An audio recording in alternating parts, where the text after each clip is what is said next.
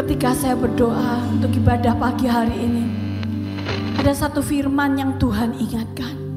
Yesaya 40 ayat 27 sampai dengan ayat yang ke-31. Mengapakah engkau berkata, Mengapakah engkau berkata demikian hai Yakub dan berkata begini hai Israel Hidupku tersembunyi dari Tuhan dan hakku tidak diperhatikan Allahku Tidakkah kau tahu dan tidakkah kau dengar Tuhan ialah Allah kekal yang menciptakan bumi dari ujung ke ujung Ia tidak menjadi lelah dan tidak menjadi lesu Tidak terduga pengertiannya Tuhan tidak terduga pengertiannya dalam hidup saudara dan saya. Dia memperhatikan kehidupan kita. Dia tidak pernah menjadi lelah dan lesu. Kuasanya yang ajaib, keilahiannya itu ada di dalam kehidupan kita setiap orang-orang yang percaya kepada dia. Seperti Yakub berkata, hari-hari ini Bapak Ibu Saudara di mana pun kau berada, ada dari engkau yang berkata, kenapa Tuhan tidak memperhatikan aku? Kenapa sepertinya hidupku tersembunyi dari Tuhan? Dan Tuhan tidak memperhatikan hidupku. Aku sudah bergumul bertahun-tahun. Aku sudah bergumul lama sekali dengan kehidupanku, dengan kesesakanku, dengan penyakitku, dengan permasalahan ekonomiku, dengan pekerjaanku. Tapi Tuhan katakan, aku tidak pernah menjadi lelah dan lesu. Tak terduga pengertian Tuhan dalam hidup kita. Dia Tuhan yang memperhatikan. Ada di bapak, di antara bapak ibu saudara, di mana pun kau berada, hari-hari ini, kau merasakan kenapa justru hari-hari ini aku merasa seperti ada sesuatu yang menimpa hidupku, yang menimpa hidupku, yang menyakitkan aku, yang membuat aku semakin seolah-olah semakin jatuh, semakin tidak berdaya. Ayat 29 katakan, dia memberi kekuatan kepada yang lelah dan menambah semangat kepada yang tiada berdaya. Amin. Amin. Tuhan memberi semangat kepada yang tiada berdaya. Orang-orang muda menjadi lelah dan lesu dan teruna-teruna jatuh tersandung. Dan ayat 31 dikatakan, dan orang-orang yang menanti-nantikan Tuhan mendapatkan kekuatan baru. Mereka seumpama raja wali yang naik terbang dengan kekuatan sayapnya. Mereka berlari dan tidak menjadi lesu. Mereka berjalan dan tidak menjadi lelah. Amin. Saudara, itu yang Tuhan mau. Mungkin di dalam kehidupanmu hari-hari ini sepertinya engkau dilolosi seperti raja wali karena Tuhan mau memberikan engkau terbang semakin tinggi. Untuk menjadi terbang semakin tinggi, engkau mesti melepaskan semua bulu-bulumu yang lama, bulu-bulumu yang sudah tua dan Tuhan mau menggantikan dengan yang baru. Dia akan memberikan kekuatan supaya kita terbang makin tinggi, masuk di dalam destiny Tuhan. Masuk di dalam rencana Tuhan yang ajaib. Dan menerima segala keilahlian yang sudah Tuhan siapkan dalam kehidupan kita. Dia Tuhan kita yang besar. Dia Tuhan kita yang ajaib. Kita punya Tuhan yang besar. Kita punya Tuhan yang ajaib. Di mana pun kau berada pagi hari ini. Pagi hari ini. Apa pun yang kau rasakan. Angkat tanganmu kepada Tuhan. Katakan Tuhan, aku mau mendapatkan kekuatan yang baru yang daripada Engkau. Aku mau mendapatkan kesembuhan yang daripada Engkau. Aku akan aku mau mendapatkan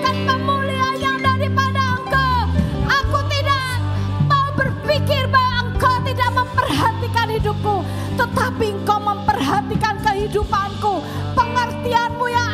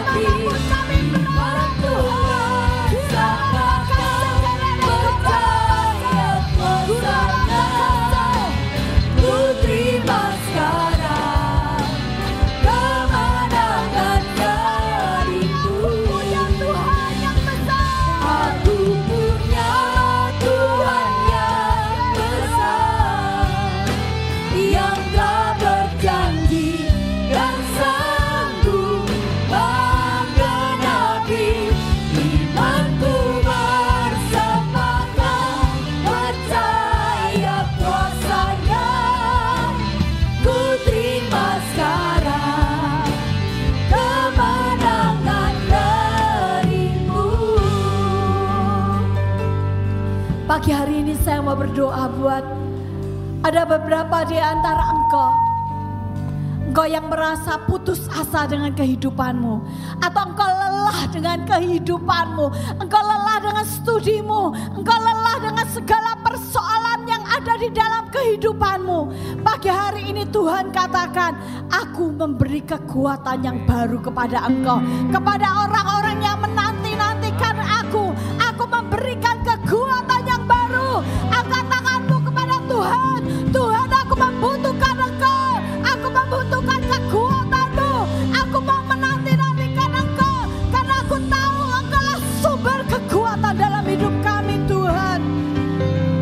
akan memperbarui sayap-sayap hidup kami.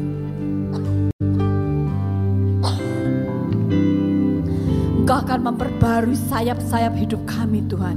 Engkau akan memperbarui sayap-sayap kehidupan kami. Sehingga Tuhan kami akan menyelesaikan destiny yang kau berikan. Kami akan menjadi orang-orang yang kuat.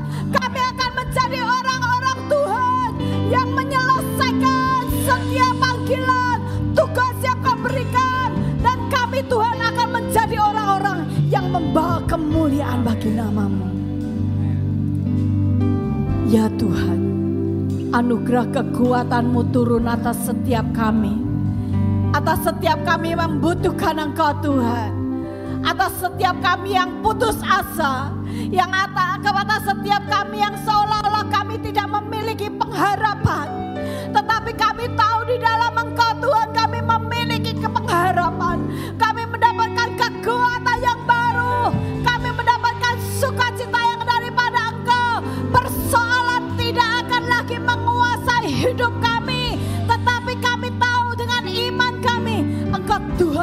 sudah berjanji.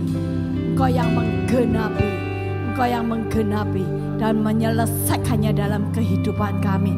Kami mau mau terus Tuhan berharap kepada Engkau.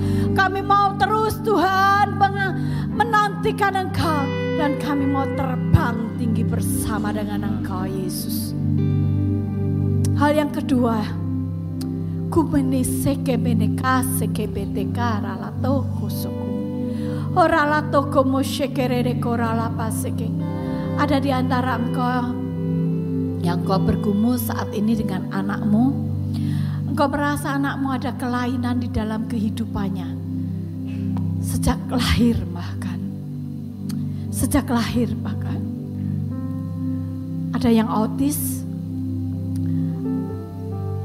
Ada yang kau merasa anakmu terbelakang ada engkau yang merasa anakmu autoimun, sakit uh, epilepsi, Tuhan katakan, aku mau sembuhkan. Aku mau sembuhkan. Kalau engkau ada bersama dengan anakmu, tumpangkan tanganmu atas anakmu. Rangkul dan peluk dia, Tuhan, ini adalah anakmu Tuhan dan Engkau menciptakan dia sempurna. Engkau menciptakan dia sempurna. Di mana pun kau berada saat ini. Di mana pun kau berada saat ini. Dalam nama Tuhan Yesus. Kuasamu Tuhan yang tidak terbatas atas ruang dan waktu. Engkau menjamah setiap anak-anakmu ini Tuhan. Engkau menciptakan dengan sempurna. Penciptaan yang baru terjadi di dalam nama Tuhan Yesus di dalam nama Tuhan Yesus. Kuasa kesembuhan. Jantung yang baru diberikan. Semua sakit sakit di saraf-sarafnya. Di dalam nama Tuhan Yesus. Di dalam nama Tuhan Yesus. Oh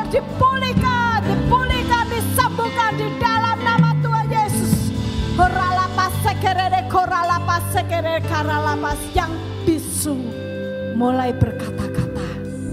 Yang terlambat berbicara mulai berkata-kata sekarang di dalam nama Yesus. Di dalam nama Yesus. Semua ketidaknormalan menyingkir dari anak-anakmu ini Tuhan. Dalam nama Yesus. Dan semua yang baru yang daripada Tuhan. Kuasa ilahi yang daripada Tuhan menjamah hidupnya, menjamah hidupnya, menyembuhkannya, menyembuhkannya. Terima kasih Tuhan Yesus, terima kasih. Bapak Ibu Saudara, atau bahkan anak-anakmu. Engkau ada yang bergumul saat ini dengan keluargamu. Engkau anak-anak engkau melihat akan orang tuamu sering bertengkar. Dan engkau suami istri engkau menyadari. Engkau sering bertengkar dan itu menjadi contoh yang tidak baik buat anak-anakmu. Engkau meninggalkan warisan yang tidak baik ketika engkau bertengkar kepada dengan anak-anakmu. Saudara, pagi hari ini Tuhan mau memulihkan hubungan kalian. Kalau engkau anak-anak engkau memiliki orang tua yang suka bertengkar dan engkau merasa Tuhan aku membutuhkan akan shalommu atas keluargaku. Kalau engkau suami istri dan engkau bersama-sama pagi hari ini mendengarkan akan kebaktian pagi hari ini. Bergandengan tanganlah engkau secara suami istri dan kalau ada anak-anakmu dalam satu keluarga. Tuhan katakan minta shalom dalam keluarga. Minta shalom dalam keluarga. Karena Tuhan mau memberikan shalom kepada setiap keluarga. Tuhan membentuk keluarga itu untuk menjadi kemuliaan bagi nama Tuhan. Dalam nama Tuhan Yesus Tuhan turunkan shalommu atas keluarga demi keluarga Tuhan. Turunkan pemulihan dari keluarga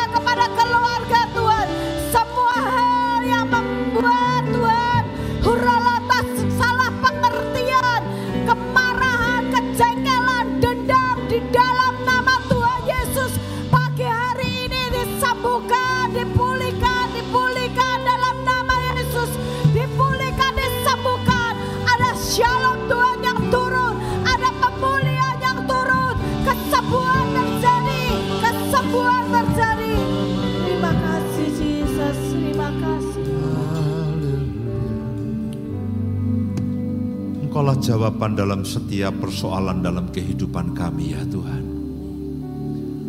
Hamba berdoa pagi hari ini di mana pun anak-anakmu mengikuti ibadah ini.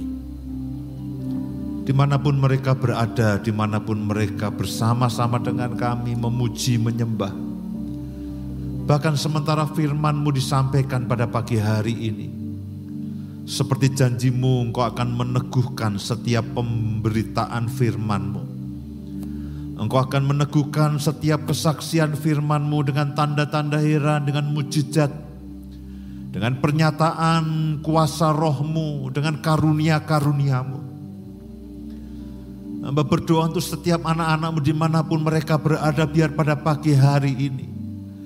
Mereka mengalami engkau kembali, mereka mengalami akan hadiratmu, mereka akan mengalami akan campur tanganmu dalam kehidupan mereka.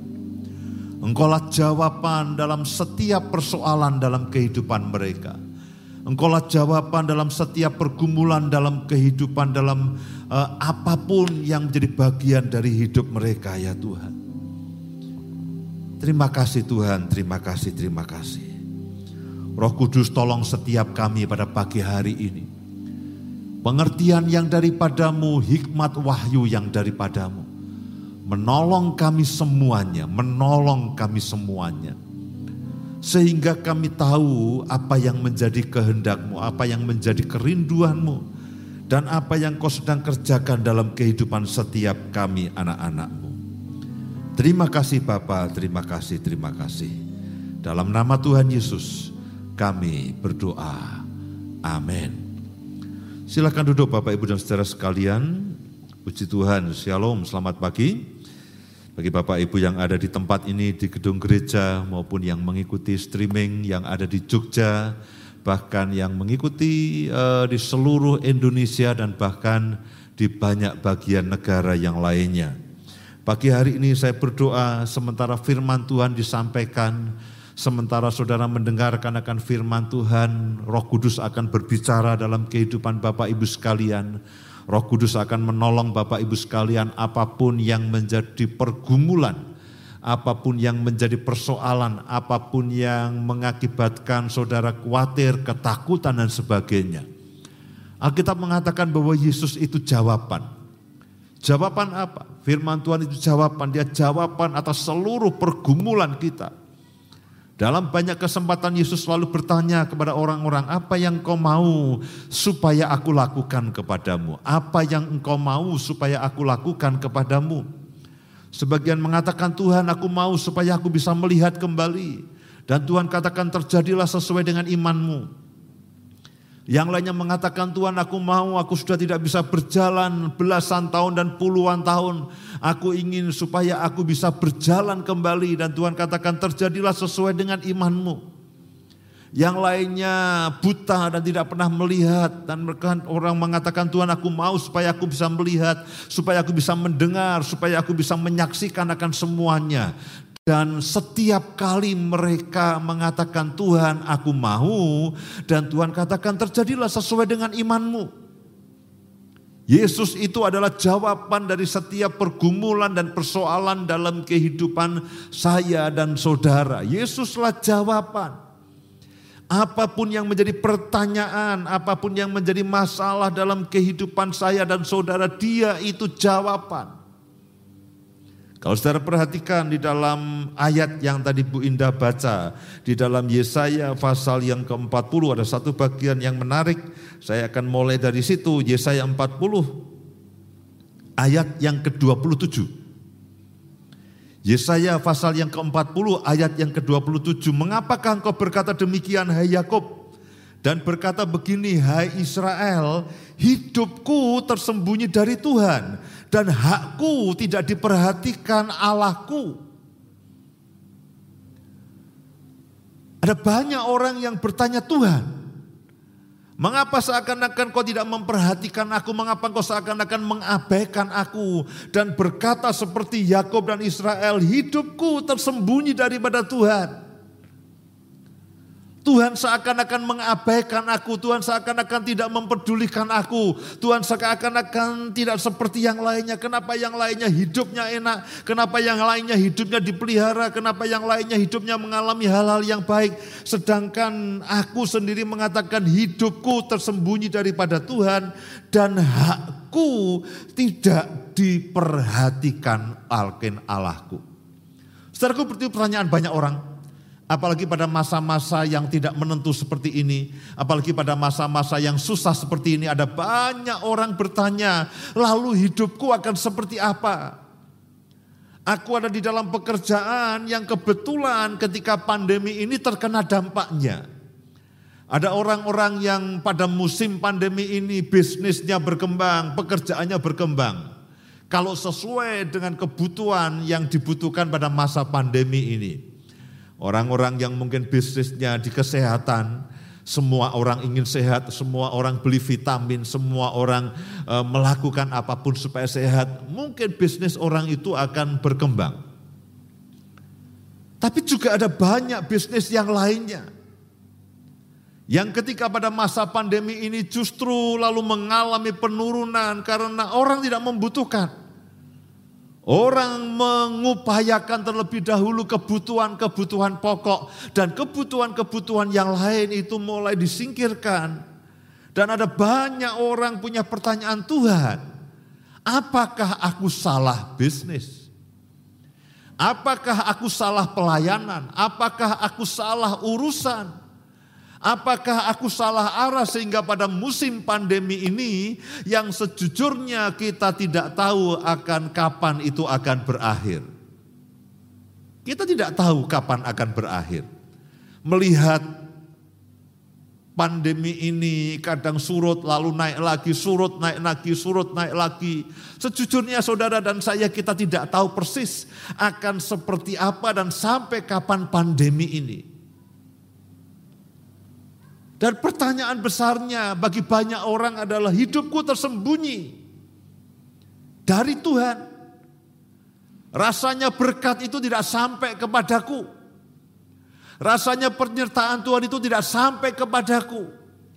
Hidupku tersembunyi dari Tuhan dan hakku tidak diperhatikan akan Allahku.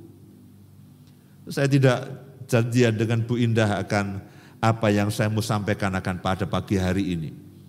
Dia bertanya tapi saya juga sepertinya tidak menjawab dengan jelas. Dan ketika tadi dibacakan ayat yang ke-27, kenapa hidupku tersembunyi daripada Tuhan dan hakku tidak diperhatikan Allahku. Kadang-kadang kita merasa Tuhan, lalu setelah masa seperti ini, lalu akan bagaimana? Banyak orang tua, banyak ahli pendidikan yang khawatir. Kita akan kehilangan tahun-tahun generasi ini. Kita akan kehilangan generasi.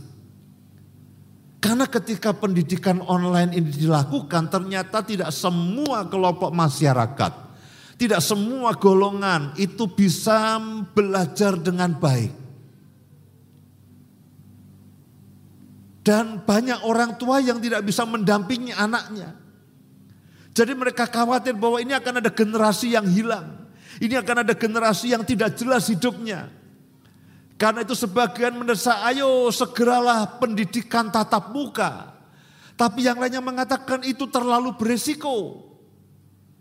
Kalau mereka tatap muka, lalu mereka nanti terpapar dengan COVID bagaimana? Jadi situasinya betul-betul tidak menentu.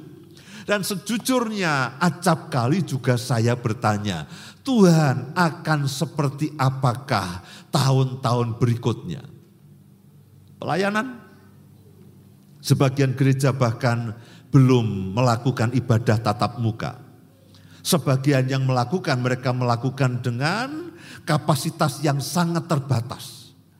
Sebagian yang lainnya mengikuti ibadah secara online dan banyak orang meragukan, wong tatap muka saja kadang-kadang mereka tidak tidak mendapatkan sesuatu apalagi dengan online, bagaimana dengan hasilnya? Jadi kekhawatiran bahwa akan ada satu generasi yang hilang itu memang ya menurut para ahli mereka mengatakan bahwa ini akan ada generasi yang hilang. Dan sejujurnya acap kali saya juga bertanya Tuhan akan jadi apa nantinya kehidupan kami, kehidupan pelayanan dan dunia ini. Saudara, ada satu bagian firman Tuhan yang saya ingin ajak Bapak Ibu dan semua saudara pada pagi hari ini kita perhatikan sama-sama. Mari lihat sama-sama di dalam kisah para rasul pasal yang ketujuh. Kisah para rasul pasal yang ketujuh.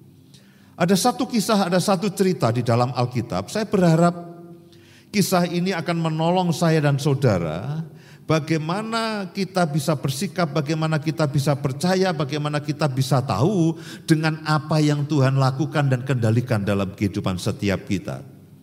Kisah para Rasul pasal yang ketujuh kita akan mulai baca di dalam ayat yang ke-19.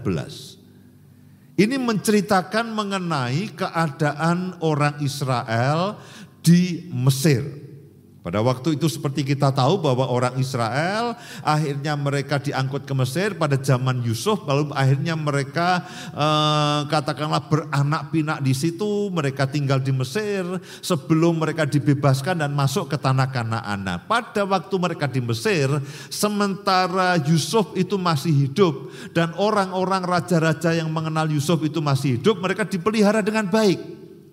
Lalu muncullah raja yang tidak pernah tahu Yusuf dan tidak pernah tahu akan jasa Yusuf. Lalu mereka memperlakukan bangsa Israel dengan kejam. Ayat yang ke-19. Jadi ini merupakan penggalan kisah, penggalan cerita bagaimana orang Israel itu ada di Mesir. Raja itu, Raja Mesir, Fir'aun itu mempergunakan tipu daya terhadap bangsa kita, terhadap orang Israel dan menganiaya nenek moyang kita serta menyuruh membuang bayi mereka. Karena mereka ketakutan bahwa orang Israel makin bertambah banyak, jadi setiap kali ada bayi laki-laki yang lahir itu dibuang, itu dibunuh. Karena mereka tidak mau orang Israel bertambah banyak dan satu waktu bersekutu dengan musuh orang Mesir. Lalu bersama-sama mengkhianati dan mengalahkan Mesir. Jadi mereka ketakutan, mereka cemas. Lalu raja itu mempergunakan tipu daya terhadap bangsa kita. Dan menganiaya nenek moyang kita serta menyuruh membuang bayi mereka. Supaya bangsa kita atau bangsa Israel itu jangan berkembang. Pada waktu itulah Musa lahir. Jadi Musa lahir pada musim yang tidak tepat. Musa lahir pada musim yang tidak nyaman karena semua bayi laki-laki pada waktu itu dibunuh. Dan pada waktu itulah Musa itu lahir dan ia elok di mata Allah. Tiga bulan lamanya ia diasuh di rumah ayahnya. Ia elok di mata Allah, terjemahan lain mengatakan bahwa Tuhan berkenan kepadanya. Tuhan berkenan kepadanya. Nah perhatikan poin ini, Tuhan berkenan kepadanya. Saudaraku ketika saudara menerima keselamatan, saudara itu artinya Tuhan berkenan kepadamu. Ketika engkau datang kepada Tuhan, engkau mengalami Tuhan, itu artinya saudara elok di mata Allah. Saudara berkenan di hadapan Allah. Nah momen itu, Momen di mana saudara dijamah oleh Tuhan. Momen di mana saudara diberkati oleh Tuhan. Momen di mana Tuhan itu campur tangan di dalam kehidupan saudara dan saya. Momen itu tidak akan terlupakan oleh Tuhan. Sekali Tuhan berkenan kepada saudara. Jangan berpikir bahwa lalu Tuhan mudah sekali berubah melupakan akan saya dan saudara. Nanti kita perhatikan baik-baik. Dan ketika dia lahir dikatakan bahwa dia elok di mata Allah. Tuhan itu menyukai Musa. Tuhan itu berkenan kepada Musa. Dan hal yang sama saya mau katakan di mana pun saudara berada bahwa Tuhan itu menyukai saudara. Kalau tidak, saudara tidak akan bersama-sama dengan saya ibadah pagi hari ini. Saudara katakan maafkan saya Pak, saya beribadah sambil minum kopi. Oke, okay. Saudara di rumah, saudara di ruang tamu, saudara mungkin melihat HP saudara, lalu ada kopi dan pisang goreng dan sebagainya di situ. Pasti berbeda ketika saudara di gereja, saudara mungkin lebih relaks dan sebagainya. Tapi saya percaya, ketika saudara mendengarkan akan pimpinan roh kudus dan saudara mengikuti akan ibadah ini di mana pun saudara berada, saya pernah dikatakan bahwa itu artinya. Tuhan mau saudara mendengarkan akan firman ini bahwa sekali Tuhan itu berkenan kepada saudara, dan Tuhan itu melihat hidup saudara, dia menyelamatkan saudara, dia menjamah hidup saudara, dia mengurapi saudara, dia memakai saudara, dia memberkati saudara. Jangan berpikir, jangan berpikir. Lalu Tuhan itu mudah melupakan momen itu. Meskipun saya dan saudara acap kali mudah melupakannya. Dikatakan sekali lagi bahwa dia elok di mata Allah.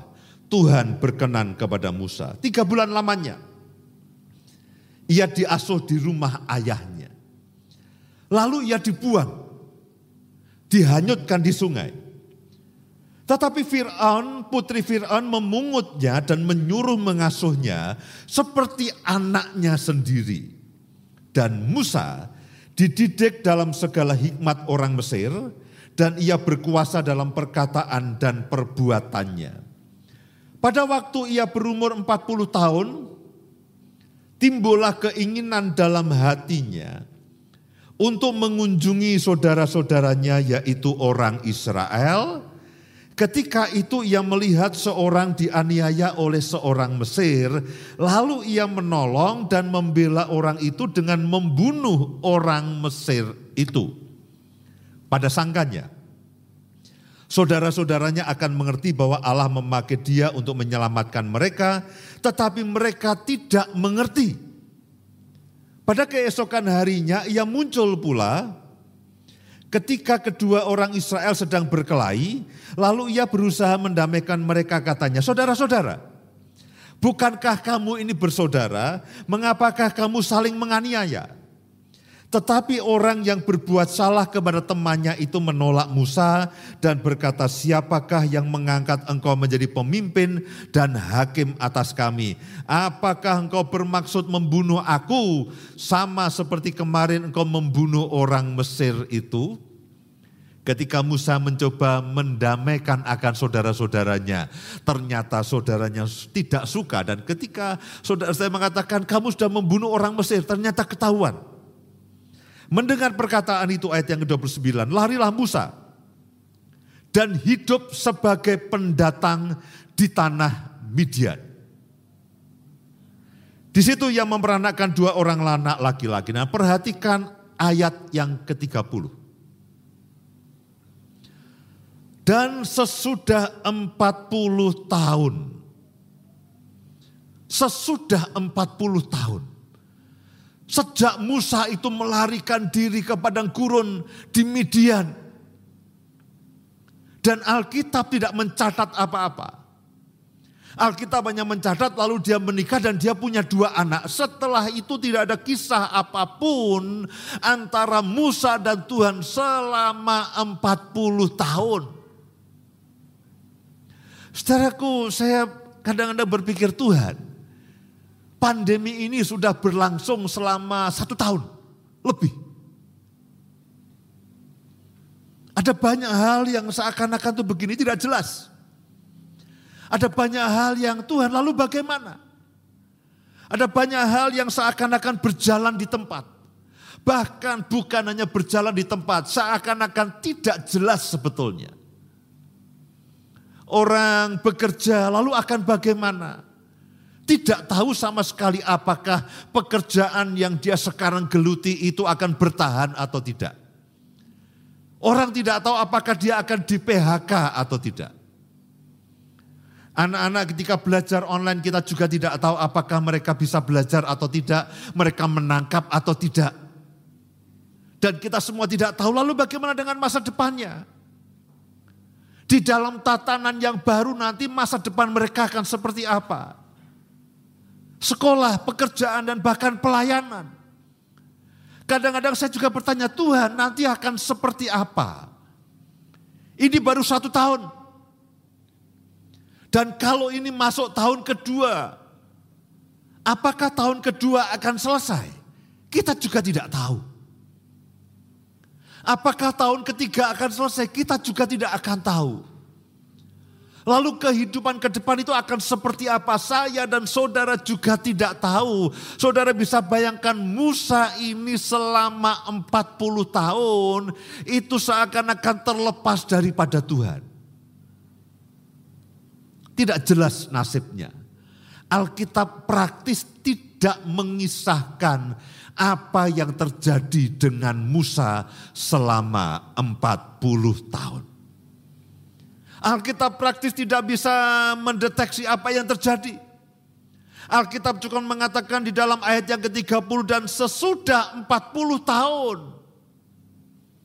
Tampaklah kepadanya seorang malaikat di padang gurun gunung Sinai. Di dalam nyala api yang keluar dari semak duri.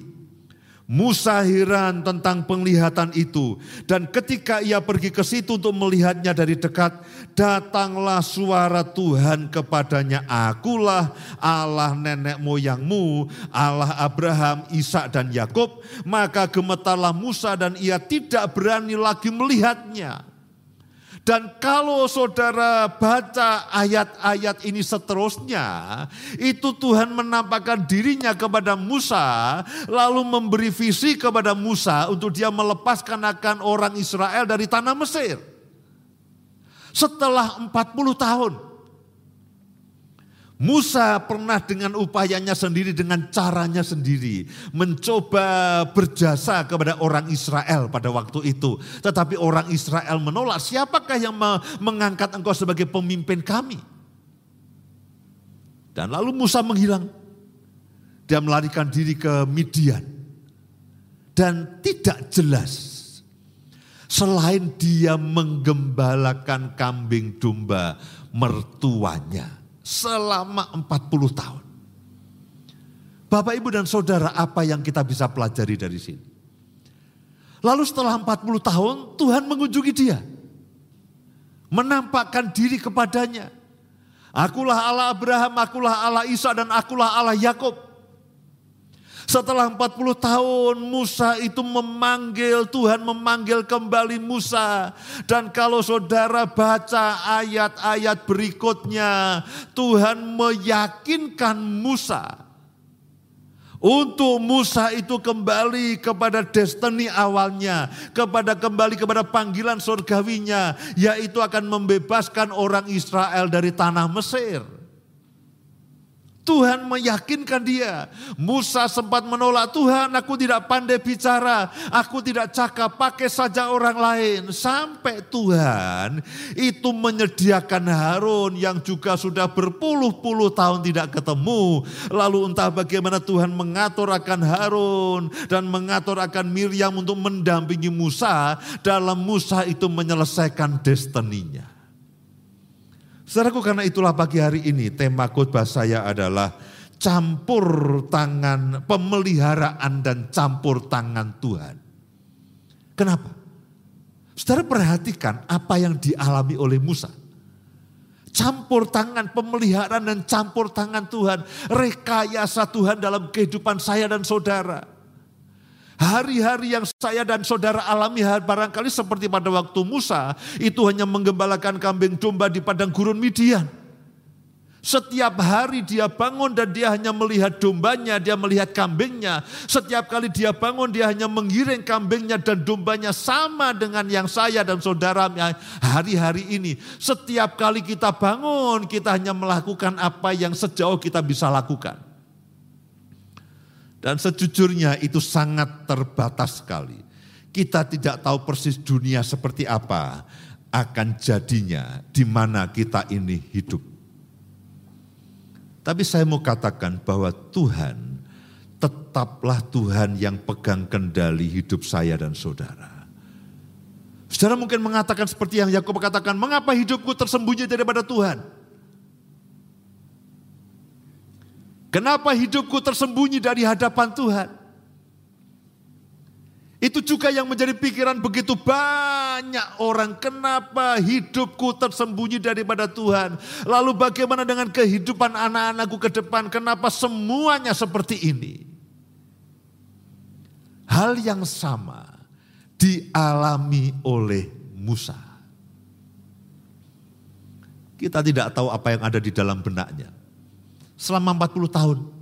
Sejak dia berupaya membebaskan akan orang Israel. Dia menengok akan orang Israel itu lalu berlangsung selama 40 tahun.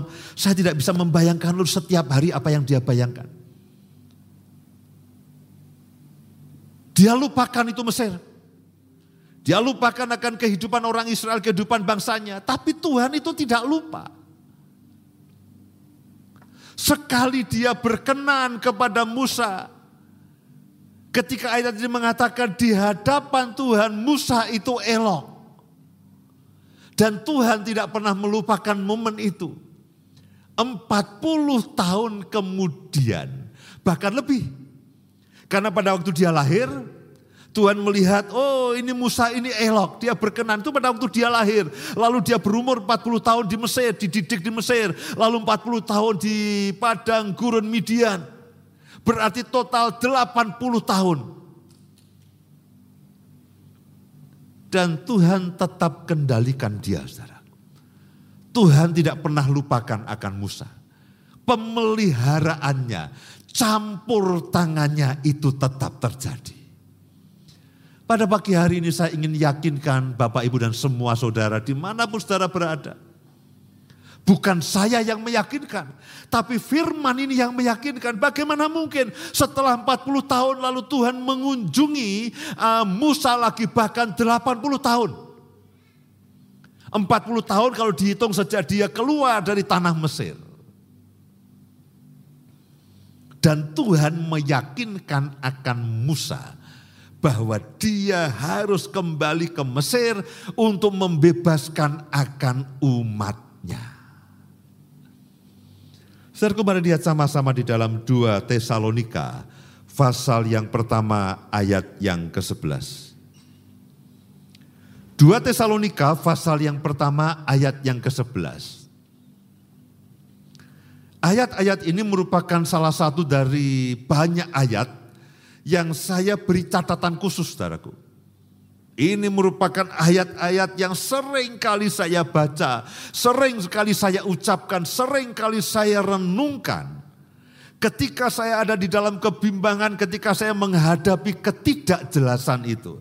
Mari lihat sama-sama di dalam 2 Tesalonika, pasal yang pertama ayat yang ke-11. Karena itu kami senantiasa berdoa juga untuk kamu supaya Allah kita menganggap kamu layak bagi panggilannya. Saudaraku perhatikan akan ayat ini. Musa bahkan tidak lagi berpikir bagaimana bisa membebaskan orang Israel dari tanah Mesir. Dia takut, dia tidak merasa layak, dia pikir ya sudahlah, Aku hanya akan menggembalakan kambing domba mertuaku. Dia pikir itulah destininya. Dia pikir itulah panggilannya. Dia sudah lupa dengan hasrat. Ketika dia berniat untuk menengok akan orang-orang sebangsanya dan mencoba berupaya untuk membebaskannya, dia lupakan itu semuanya. Dan dia pikir dia hanya akan menggembalakan kambing domba.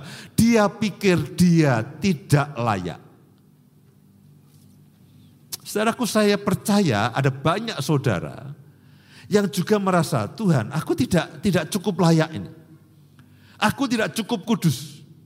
Aku tidak cukup berkomitmen, aku tidak cukup sungguh-sungguh, aku tidak cukup mampu untuk menyelesaikan akan destinimu. Ayat ini mengatakan bahwa supaya Allah kita menganggap saya dan saudara layak bagi panggilannya. Dan perhatikan baik-baik dan dengan kekuatannya menyempurnakan. Dengan kekuatannya menyempurnakan merekayasa atau campur tangan menyempurnakan kehendakmu untuk berbuat baik dan menyempurnakan segala pekerjaan imanmu sehingga nama Yesus Tuhan kita dimuliakan di dalam kamu dan kamu di dalam dia menurut kasih karunia Allah kita dan Tuhan Yesus Kristus. Saudaraku setiap kali saya membaca ayat-ayat yang semacam ini, ketika saya mengalami Tuhan, lalu bagaimana? Ketika saya punya banyak pertanyaan kepada Tuhan, Tuhan lalu bagaimana ujungnya dengan semua ketidaksempurnaan yang saya lakukan, dengan semua kebodohan, dengan semua kegagalan, dengan semua kelambanan, dengan semua kemalasan yang saya lakukan dan setiap kali itu mengintimidasi, setiap kali itu mengancam saya sehingga seakan-akan aduh, apakah saya akan bisa menyelesaikan destiny saya atau tidak? Apakah saya bisa menyelesaikan akan panggilan Tuhan dalam dalam kehidupan saya atau tidak? Itu pertanyaan besar. Dan saya percaya, saya tahu pertanyaan itu bukan hanya terjadi pada saya, tapi setiap orang selalu bertanya, Tuhan, apakah saya akan bisa menyelesaikan panggilanku atau tidak? Karena kita-kita ini orang gagal. Tidak semua yang kita lakukan itu sempurna. Standar rohani kita acap kali tidak memadai. Standar rohani kita acap kali tidak mencukupi. Kita tidak cukup baik. Kita berniat Tuhan aku mau berdoa. Tapi kadang-kadang hanya bertahan dua hari. Tuhan aku membaca firman lebih banyak, tapi kadang-kadang hanya bertahan tiga atau empat hari. Tuhan aku ingin lebih sungguh-sungguh, tapi ternyata hanya bertahan satu dua minggu kita diancam atau kita diintimidasi karena kita ini tidak memenuhi syarat.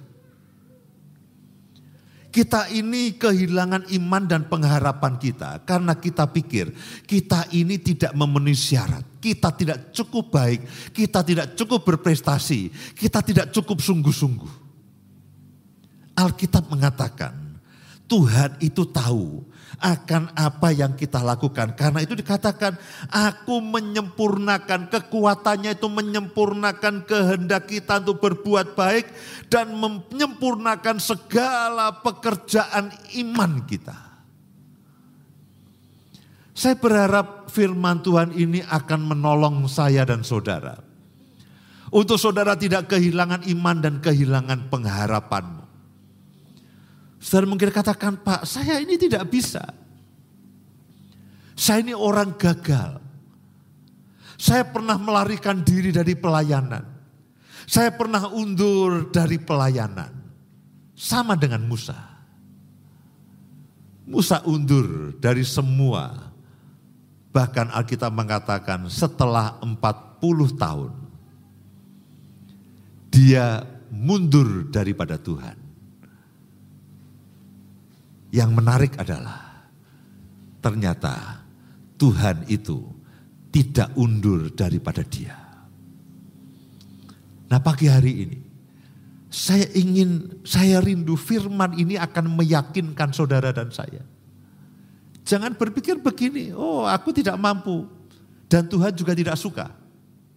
Oh aku tidak mampu dan Tuhan juga membiarkan. Oh aku terhilang. Ya sudah Tuhan tersembunyi bagiku. Tapi ayat ini mengatakan bahwa Tuhan dengan kekuatannya itu melayakkan panggilan saya dan saudara. Tuhan dengan kekuatannya menyempurnakan segala pekerjaan iman saudara dan saya. Dia akan menolong dengan entah bagaimana caranya dan hari-hari ini saya berdoa Tuhan akan mengunjungi saudara kembali dan saudara akan mengalami Tuhan kembali. Seperti Musa mengalami Tuhan kembali. Pak, saat teduh saya itu sudah membosankan. Ketika saya membaca Alkitab, dulu itu sepertinya firman itu berbicara. Tetapi hari-hari ini ketika banyak tekanan, banyak masalah dan banyak persoalan, firman itu tidak kembali berbicara. Doa itu tidak lagi menyenangkan. Saya berdoa seperti Tuhan itu bertemu kembali dengan Musa, hal yang sama itu akan terjadi dengan saudara. Kalau firman ini disampaikan kepada saya dan saudara itu artinya Tuhan mau melakukan seperti yang dia lakukan kepada Musa, dia juga melakukan kepada saya dan saudara. Jangan berpikir hidupmu tersembunyi di hadapan Tuhan. Pemeliharaan Tuhan dan campur tangan Tuhan itu tidak pernah berakhir. Meskipun orang berpikir Tuhan sudah lupa.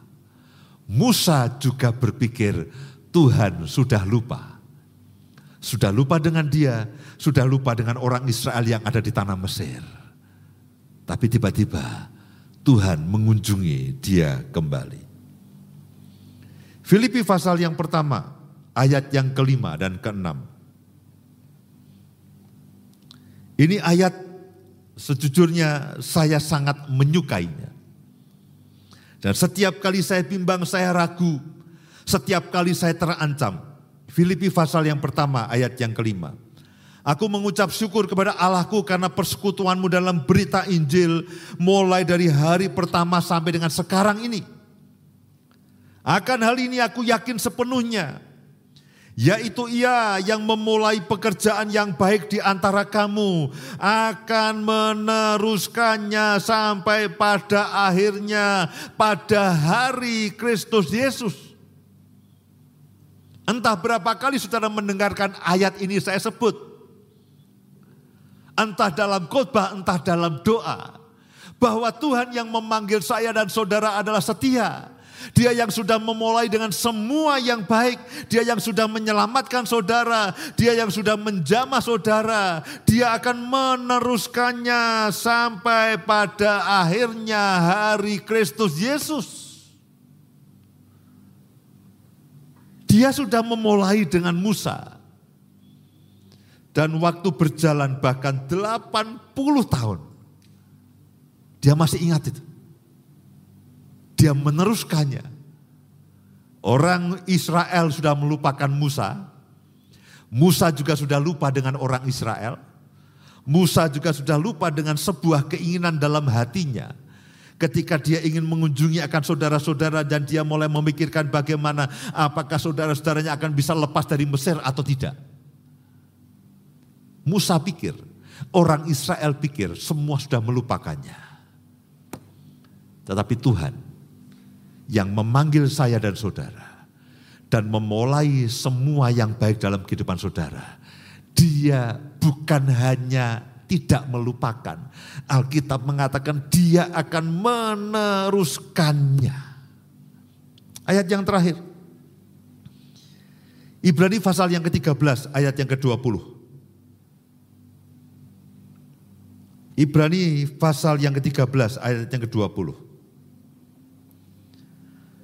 Maka Allah damai sejahtera yang oleh darah perjanjian yang kekal telah membawa kembali dari antara orang mati gembala agung segala domba, yaitu Yesus Tuhan kita. Perhatikan baik-baik. Kiranya memperlengkapi kamu dengan segala yang baik untuk melakukan kehendaknya. Kiranya memperlengkapi saya dan saudara dengan segala yang baik untuk melakukan kehendaknya dan mengerjakan di dalam kita apa yang berkenan kepadanya. Tanpa saya dan saudara sadari, sebetulnya itu Tuhan bekerja dalam kehidupan kita. Tanpa saya dan saudara sadari, saudara berpikir Tuhan lepas tangan seperti yang kau katakan Tuhan, hidupku tersembunyi di hadapanmu. Engkau tidak lagi memperhatikan hakku. Siapa bilang? Ayat-ayat ini memberikan jaminan kepada saya dan saudara. Kiranya memperlengkapi kamu dengan segala yang baik. Untuk melakukan kehendaknya. Dan mengerjakan di dalam kita apa yang berkenan kepadanya. Oleh Yesus Kristus bagi dialah kemuliaan sampai selama-lamanya. Saudaraku tanpa sadar saudara dan saya sadari dia itu terus bekerja dan percayalah. Meskipun secara manusia kita tidak tahu, tapi Alkitab mengatakan dia akan memperlengkapi saya dan saudara dengan segala yang baik dan mengerjakan di dalam kita apa yang berkenan kepadanya. Jangan berpikir hidup saya dan saudara itu tersembunyi di hadapan Tuhan. Jangan berpikir saya dan saudara itu berpikir Tuhan, kenapa kau mengabaikan hakku?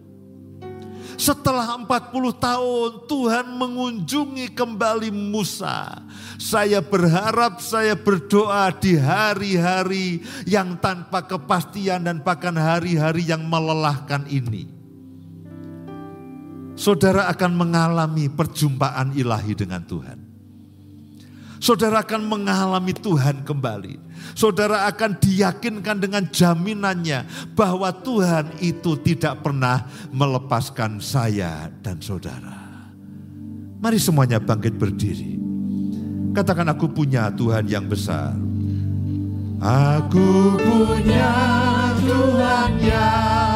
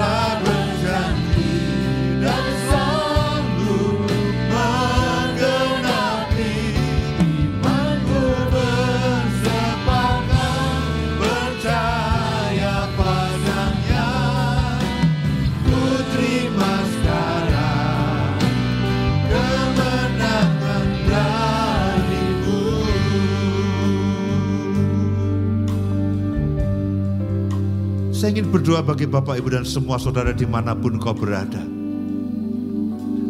Engkau yang merasa hidupmu tidak diperhatikan lagi.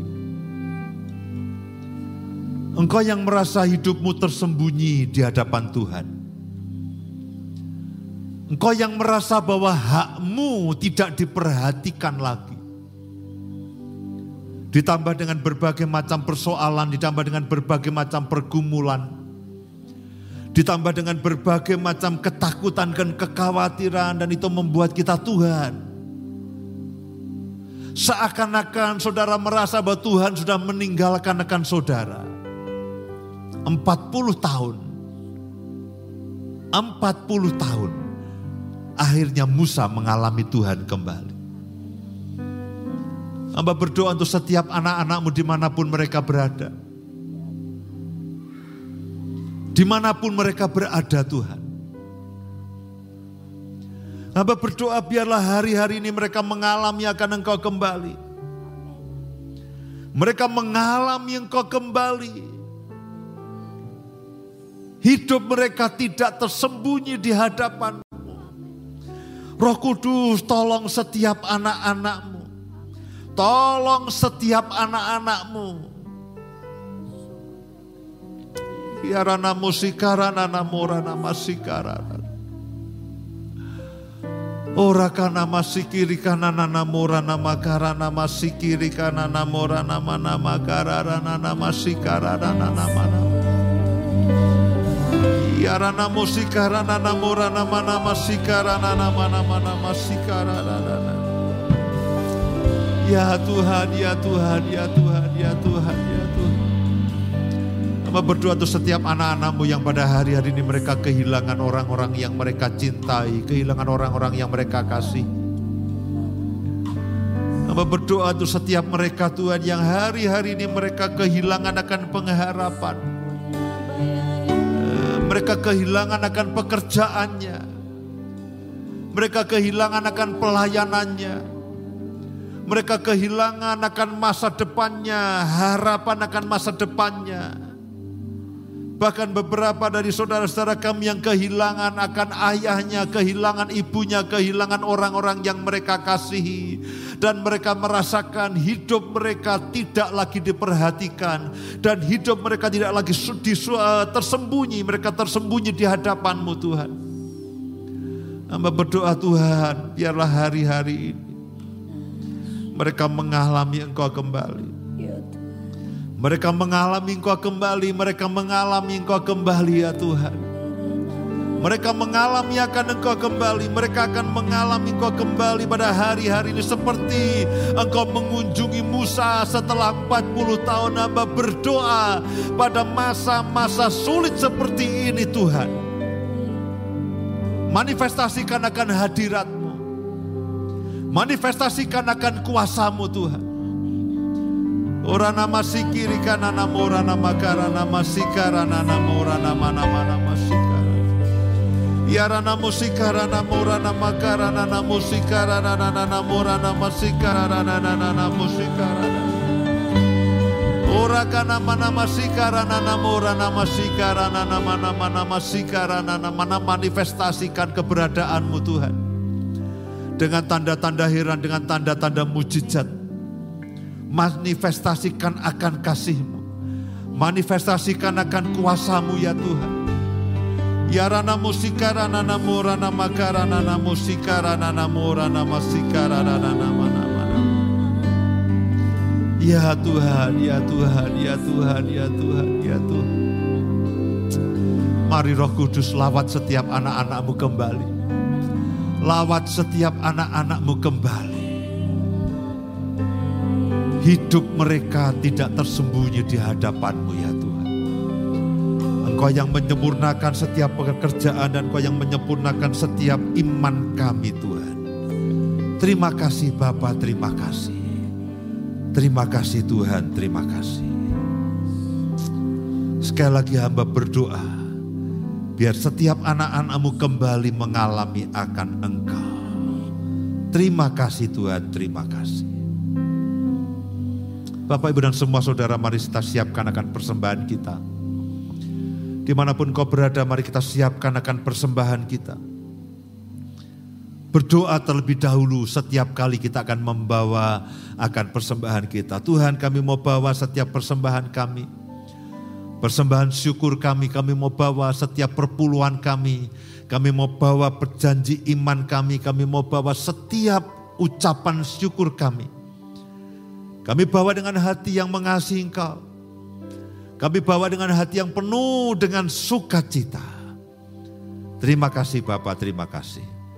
Di dalam nama Tuhan Yesus, Kami mengucap syukur, kami berdoa.